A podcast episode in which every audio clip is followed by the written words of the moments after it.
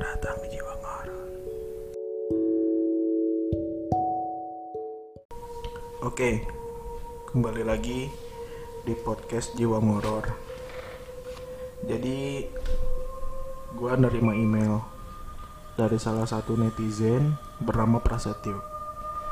Dia itu menceritakan pengalaman pribadi horor miliknya yang bertepatan di rumah se- sepeninggal rumah kakeknya yang berada di kawasan daerah Cimahi.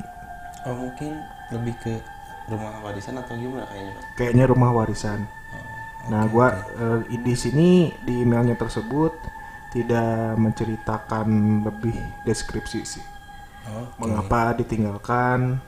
Mungkin kita juga bisa berasumsi bahwa mungkin anak-anak kakeknya mungkin lagi di luar kota. Oh. Mungkin salah satu dari keluarga terdekatnya mungkin ada di Bandung. Oke oke Kayak oke gitu. oke oke. Oke, langsung aja Nus ya ke ceritanya. Oke. Ya. Namaku Prasetyo. Panggilan akrabku Pras. Gue tinggal di Bandung. Gue merupakan anak pertama dari dua bersaudara. Adik gue perempuan bernama Cika. Alhamdulillah orang tua gue masih utuh. Kesibukan gue saat ini adalah bekerja di salah satu perusahaan as- asuransi di Bandung. Thanks banget buat podcast Jiwa Ngoror yang udah kasih kesempatan gue untuk bercerita sedikit pengalaman horor gue. Nah, jadi langsung ya ke cerita. Oke. Jadi awal cerita ini berawal di tahun 2016 yang di mana saat itu gue sedang kuliah di salah satu universitas negeri di Bandung. Adik gue masih di bangku SMP. Gue lupa sih SMP atau SM SMA. Pokoknya masih sekolah deh katanya kayak gitu. Oh sekolah. Hmm, masih sekolah lah gitu.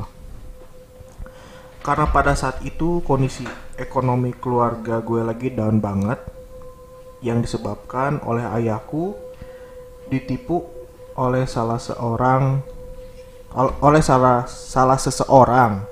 Sekian rat, apa, eh, apa?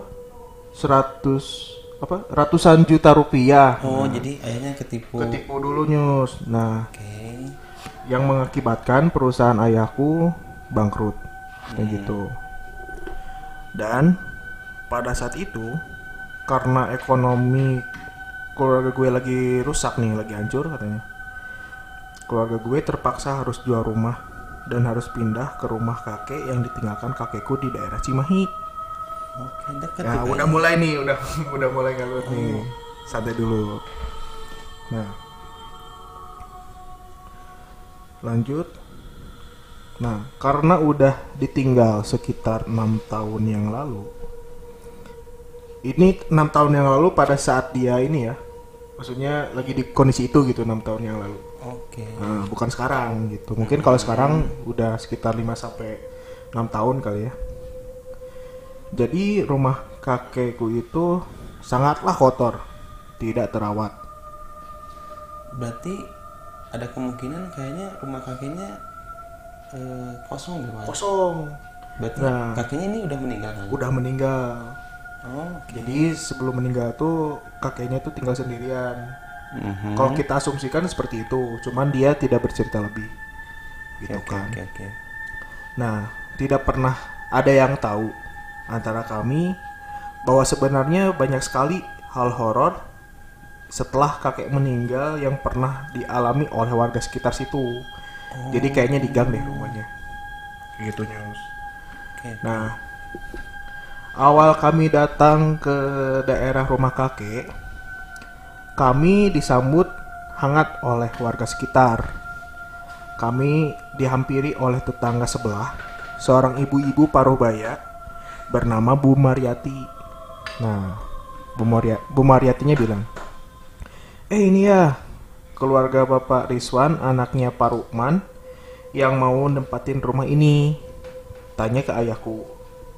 Jadi ayahku itu bernama Rizwan, kakekku bernama Rukman. Kayak gitu. Lanjut.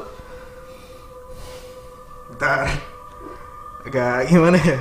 Agak Ini backsoundnya tuh, tolong. nggak apa-apa nggak apa-apa. Ya aku bilang, eh iya bu, ini Bu Mariati ya? Bapak selalu menceritakan ibu kepada saya lewat telepon. Terima kasih ya bu, udah baik ke bapak saya semasa hidupnya bapak. Bu Mariati. Iya pak, sama-sama. Kapan pak mulai ngisi rumahnya? Nah, ayahnya jawab, mungkin hari ini bu, sambil beres-beres rumah, dicicil aja dibantu istri sama anak-anak saya. Oh begitu pak, semoga betah-betah ya pak. Nah dengan mimik muka yang sam- samar-samar khawatir, ayahku bilang, baik bu, terima kasih. Ibuku senyum ke Bu Mariati, tapi aku merasa aneh dengan mimik wajah Bu Mariati yang seakan mengkhawatirkan keluarga kami untuk menempati rumah kakek. Tapi udahlah, gak terlalu aku pikirin.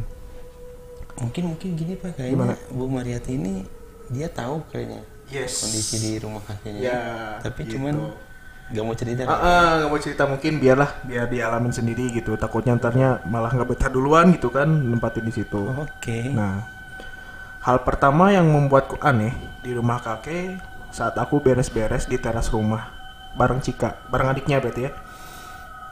Di tengah candaan kami, selintas aku lihat bayangan putih lewat dua kali balikan di depan pohon mangga. Lah, itu apa ya? Tanyaku dalam hati.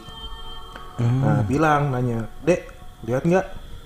"Apaan, Kak?" kata adiknya. Oke. "Masa nggak lihat?" "Ih, apaan sih, Kak?" kata adiknya. "Enggak ah, ntar aja deh kakak ceritain. Masuk dulu yuk, udah mau azan maghrib, jadi sarepna nyus." Oh. Sarepna itenya Oke oke Nah. oke. kami pun masuk dan ibadah sholat maghrib di kamar masing-masing. Oh jadi eh, sholatin kamar masing-masing. Lalu dilanjut makan malam di meja makan sederhana sepeninggal kakek. Selepas makan malam, adikku masih penasaran perihal apa yang sudah aku lihat pada saat di teras. Kak, tadi lihat apa di luar? Oh, yang tadi itu bayangan putih bolak-balik di depan pohon mangga. Seriusan? Iya, tapi nggak usah dipikirin, iseng doang kali. Tapi Ah, kumaha? gimana ya? Agak horor juga. Maksudnya kalau manusia sih ngapain juga gitu kan di pohon mangga iya. gitu. Dan sabar loh, Tuh kan. bener-bener bayangan putih. Ouch. Oke, lanjut. Nah, lanjut. Iya kok serem. Iya kok serem juga ya. Iya. Eh dek, kira-kira kita bakal betah nggak ya tinggal di rumah tinggal di rumah ini? Nah adiknya jawab, nggak tahu kak. Aku kira cuma aku yang lihat sosok aneh. Eh kakak juga. Nah ternyata adiknya lihat juga John kayak gitu. Emang kamu lihat apaan? Tadi pas di luar, waktu kita ngobrol sama Bu Mariati, nengok ke jendela lantai dua. Aku lihat anak kecil cewek cantik, diem,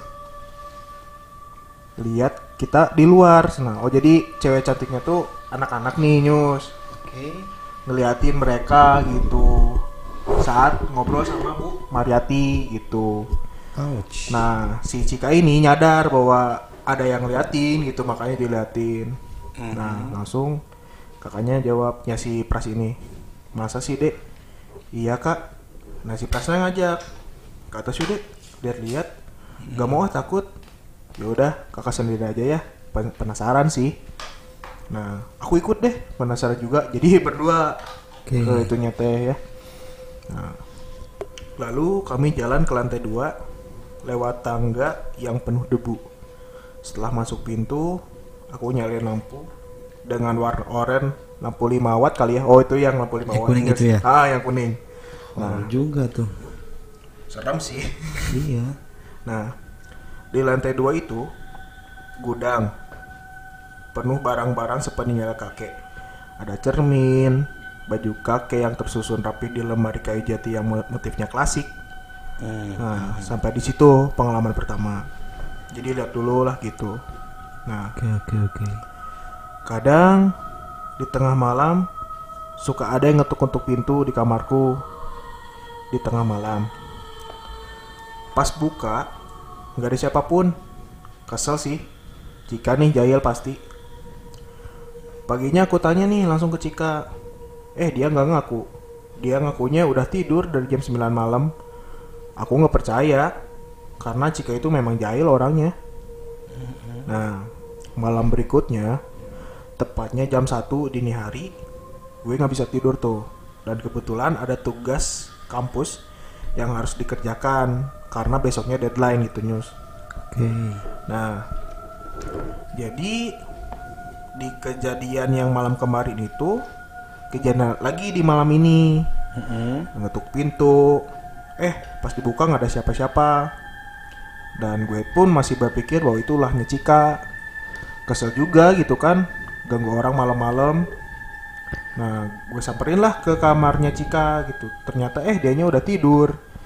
Gue bangunin dong. Dan memang udah tidur gitu. Tapi wajar juga sih eh, kalau misalnya rumah yang ditinggal enam tahun ya kan, Hmm, 6 tahun. terus gak pernah ditempatin, gak pernah ada aktivitas di dalamnya, mungkin eh, menjadi sarana media bagi para para. Iya, hidup jadi mungkin ya. untuk berkumpul. Nah, gue gue juga pernah dengar bahwa jangankan enam tahun ya ini lama banget. Bahkan tiga hari aja rumah nggak ditempatin katanya udah masuk kayak gitu, udah diam. gitu loh. Eh, tiga hari udah nggak ditempatin aja gitu. gua gak pernah ngebayangin loh, Pai, kalau gua di posisi si pras ini terus ya gua pindahan dengan kondisi rumah yang enam tahun gak ditinggalin Kondisinya kotor gitu kan? kotor dan lain hal sebagainya ya gue agak ngeri juga sih Iya, iya makanya. tapi ya coba-coba lanjut lagi deh Ya, lanjut ya. penasaran nih Nah, si Cika ini memang udah tidur. Dia tanya eh, si Pras ini bangunin dong. Dek, dek, bangun bangun. Pura-pura tidur lagi. Udah gangguin dasar nggak tanggung jawab. Apa sih kak? Ini aku udah tidur. Nah, dengan nada yang eh lesu gitu. Jadi memang kelihatan kan dari mukanya kalau misalnya baru bangun kayak sayu-sayu gimana gitu masih ngantuk gitu kan. oke Nah, itu yang kedua. Jadi ada yang ngetuk gitu news di rumahnya tuh.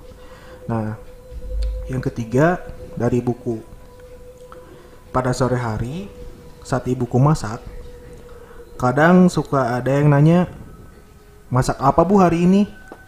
oke Nah, suara itu dengan suaraku, ini ngaku eh, ibunya yang ngaku ya, ibunya yang cerita. Iya, iya, iya. Nah, pokoknya dengan dengan suaraku eh, kadang suara Cika, kadang suara ayah gitu. Jadi, Jadi, memang lagi fokus. dia tuh bisa eh, niruin beberapa keluarganya gitu Hmm, bisa bisa jadi seperti itu sih. Damn it. Nah, jadi kayaknya ibunya lagi fokus gitu masak gitu. Jadi dari arah arah belakang ada yang nanya gitu dengan suaranya si Pras, kadang Cika, kadang ayahnya gitu kan. Nah, pas noleh ke belakang gak ada siapa-siapa. Padahal saat itu aku masih ada kegiatan di kampus dan Cika lagi sekolah gitu kan. Nah, kadang keran air di kamar mandi nyala, nyala sendiri saat ibuku sedang mencuci baju sedang mencuci baju kami kadang ember yang penuh dengan air jatuh dengan sendirinya nah di lantai dua kadang berisik kayak ada suara dua orang anak kecil yang lari-lari gak lihat gak lihat waktu kadang itu terjadi di siang bolong Eh, pada saat ibuku sendirian di rumah, aku sibuk ke kampus. Eh, aku sih, akunya sibuk di kampus. Adikku sekolah. Ayahku sedang sibuk dengan urusannya di luar karena sedang berintis kembali usahanya yang baru gitu. Jadi pas sendirian bener-bener nyus. Nah, kalau dari, dari ayahku, kadang kalau ayah suka ketiduran di, di depan TV, bangun-bangun tiba-tiba ada di kamar kosong di depan kamar mandi. Jadi rumah kakekku ini terdiri ada empat kamar, satu kamar mandi gitu. Yang satunya dipakai sama si Pras, yang satunya dipak dipakai oleh ayah dan ibu ibunya Pras ya. Oke. Nah, yang satunya dipakai sama Cika. Tinggal sisa satu kosong Ya, itu yang satunya kamar kosong di depan kamar mandi. Yang niatnya dipakai buat kamar tamu. Nah, Hmm. kata ayah, setiap setiap kali ayah ketiduran dan bangun dan bangunnya itu aneh. Dan pasti set- setiap bangun Mm-mm. eh, menjelang adzan subuh. Nah, cara bangunnya itu aneh-aneh. Eh, kadang ayah terbangunnya gara-gara apa sih? Eh, gara-gara suara teriakan itu, Nyus. Oh, oke oke. Ya, su- suara teriakan, "Woi, Oh. Nah, kayak gitu kan. Nah, mungkin kalau diambil positifnya sih mungkin ngebangunin ayahku untuk sholat subuh gitu kan. Bisa jadi Nah, kayak gitu. Terus lambat laun gue pun merasa risih apalagi Cika yang setiap hari itu minta tidur bareng. Ya dalam artian ditemenin lah gitu. Ditemenin ka- eh, karena takut gitu. Dan kami pun bilang ke ayah ibu pokoknya ingin pindah rumah. Nah, singkat cerita ibu dan ayahku mengi- eh, apa ya apa sih ini teh ibu dan ayahku mengizinkan sependapat sama kami bahwa kita harus pindah rumah. Dan dengan seizin adik-adiknya yang di luar kota untuk menjual rumah kakek. Gitu. Nah jadi pindah rumah tuh nyus. Mereka tuh jadi udah ngerasa capek kali sih. Gelisah hari, juga eh, mungkin ya. gelisah. Kebayang gak sih tiap hari diganggu kayak gitu? Ya. Nah, benar-benar Iya capek. sih. Nah, dan saat kami pindahan, pada saat ngangkut-ngangkut barang tuh, sama logistik untuk pindah rumah, eh, kami disamperi, disamperin oleh salah seorang bapak-bapak yang udah lama tinggal di situ. Mm-mm. Nah, namanya Pak Ruslan. Oke. Pak Ruslan ini nanya, pindah Pak? Iya nih Pak, kita kami mau pindah. Mohon maaf ya kalau ada salah kayak gitu kan. Nah, Pak Ruslan ini eh, nanya, kenapa Pak pindah? Ayahku jawab, iya nih, anak-anak anak-anak saya nggak betah di rumah. Nah, Pak Ruslan jawab, gak heran sih Pak, kenapa anak-anak bisa nggak betah di rumah? karena banyak juga sih kejadian hal aneh yang dialami oleh beberapa warga di sini gitu. Oke, Hmm. berarti nggak sama keluarga si Pras ini juga ya? Ah, jadi eh, kayaknya warga-warga sini nggak cerita deh gitu. Oke. Nggak cerita bahwa di rumah itu tuh ada sesuatu lah gitu. Oke. Oh gitu pak. Eh, emang apa ya se. Emang apa kejadiannya gitu kan nanya si Pak Ruslan tuh. bapak ini si ayahnya si pres ini nanya. Oke. Iya pak, kadang orang-orang pas malam-malam gak berani lewat situ pak, lewat rumah bapak. Mm-mm. Karena kadang ini sebelum bapak pindah ke sini, kadang suka lihat anak-anak lari-lari di teras. Dua orang, dua orang anak. Wow. Ya tepatnya eh, tepatnya sih eh, dua-duanya eh, perempuan kayak gitu. Mhm. Dan kadang eh, Bu Mariati pernah komplain ke RT bahwa kok sering terjadi kegaduhan di lantai dua, tepatnya di rumah bapak gitu. Kadang ada teriakan minta tolong, kadang ada yang ketawa gitu kan, kadang ada yang lari-lari gitu kan, karena bersebelahan gitu la- lantai duanya. Kadang Oke. suka eh, pukul-pukul tembok gitu kan, berisik lah pokoknya kayak gitu. Nah, tidak gak sering apa eh gak sering juga banyak eh, orang orang-orang luar yang ngelihat nenek-nenek sapu-sapu gitu di terasnya Oke. gitu. Dan mungkin ini kejadiannya, ini kata Pak Ruslan ya. Mungkin ini disebabkan oleh jadi satu tahun setelah Pak Rukman meninggal, Oke. ada satu kejadian Iya. ditemukan dua jasad anak kecil perempuan meninggal dunia dengan tubuh yang mengenaskan dengan bekas gorokan di lehernya. Oh. Jadi memang ada kejadian Oke. Hmm. Dan menurut keterangan polisi, dua dua jasad anak ini tuh merupakan suatu satu korban korban pembunuhan yang dilakukan oleh salah seorang penculik. Dan saat ini belum terungkap siapa penculiknya.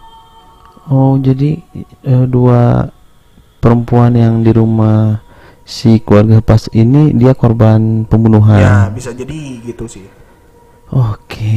Mungkin jadi keluarganya tuh jadi be- berpendapat, oh ternyata ini gitu penyebabnya gitu. Dan oh gitu Pak, ya udahlah. Makasih Pak infonya gitu kan kata bapaknya. Oke. Nah lanjut ke si Pras dan gue gak, nyang- gak nyangka sih gue baru tahu juga ternyata setelah se- meninggalnya kakek satu tahun ternyata ada kejadian ini gitu kan yang bisa jadi menyebabkan rumah kakek itu begitu angker gitu bahwa bahkan setiap harinya ngeganggu ke kita gitu mungkin segitu aja teman-teman jiwa ngoror Uh. kasih udah mengizinkan saya untuk mengisi cerita di episode perdana kalian. Terima kasih. Yuk. Aduh, thank you nih, Seru, Pras. seru, seru nih, seru juga Udah sih. Seru juga ya. Gimana, Pak? Kira-kira tanggapannya? Eh, ya itu yang gua maksud tuh, maksudnya gak kebayang gitu selama enam tahun kan kosong gua aduh gimana kondisinya gua ya mungkin di pikiran gua tuh kayaknya tuh kumuh lembab eh, terus ya nggak terawat mungkin ya Iya. Ya nggak bisa dibayangin sih itu aja sih Eh, jadi memang gue juga pernah dengar, eh, bukan dengar sih baca dari artikel bahwa ini boleh percaya boleh enggak ya. Eh, katanya kalau makhluk-makhluk yang gitu tuh sukanya tempatnya yang lembab, gitu kan. eh, terus kotor, tidak terawat, gitu kan.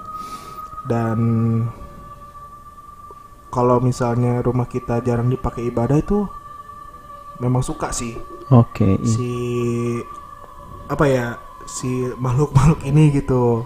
Suka maksudnya diam gitu kan betah lah bikin betah gitu kan. Ini eh, sorry Pak, ada ada mungkin ada yang dari beberapa netizen lagi mungkin yang kirim? Atau baru si Pras ini aja. baru si pres ini nah eh, kebetulan ini tuh episode pertama dari jiwa ngoror ini gitu kan yang dibuat oleh Oke. Halo jiwa gitu Oh, berarti mungkin eh, untuk beberapa pendengar yang lain mungkin ya yang bisa mengirim apa? ya ya. Yang mau ngirim eh, ceritanya. cerita atau pengalamannya bisa langsung kirim lewat Ya. mana Pak? boleh kirim lewat DM-nya Alur Jiwa Atau, atau kirim email email ke Alur Jiwa ya? ada nanti fullnya di bio nya Alur Jiwa at Alur Jiwa. Ada di Instagram nanti boleh kepoin aja.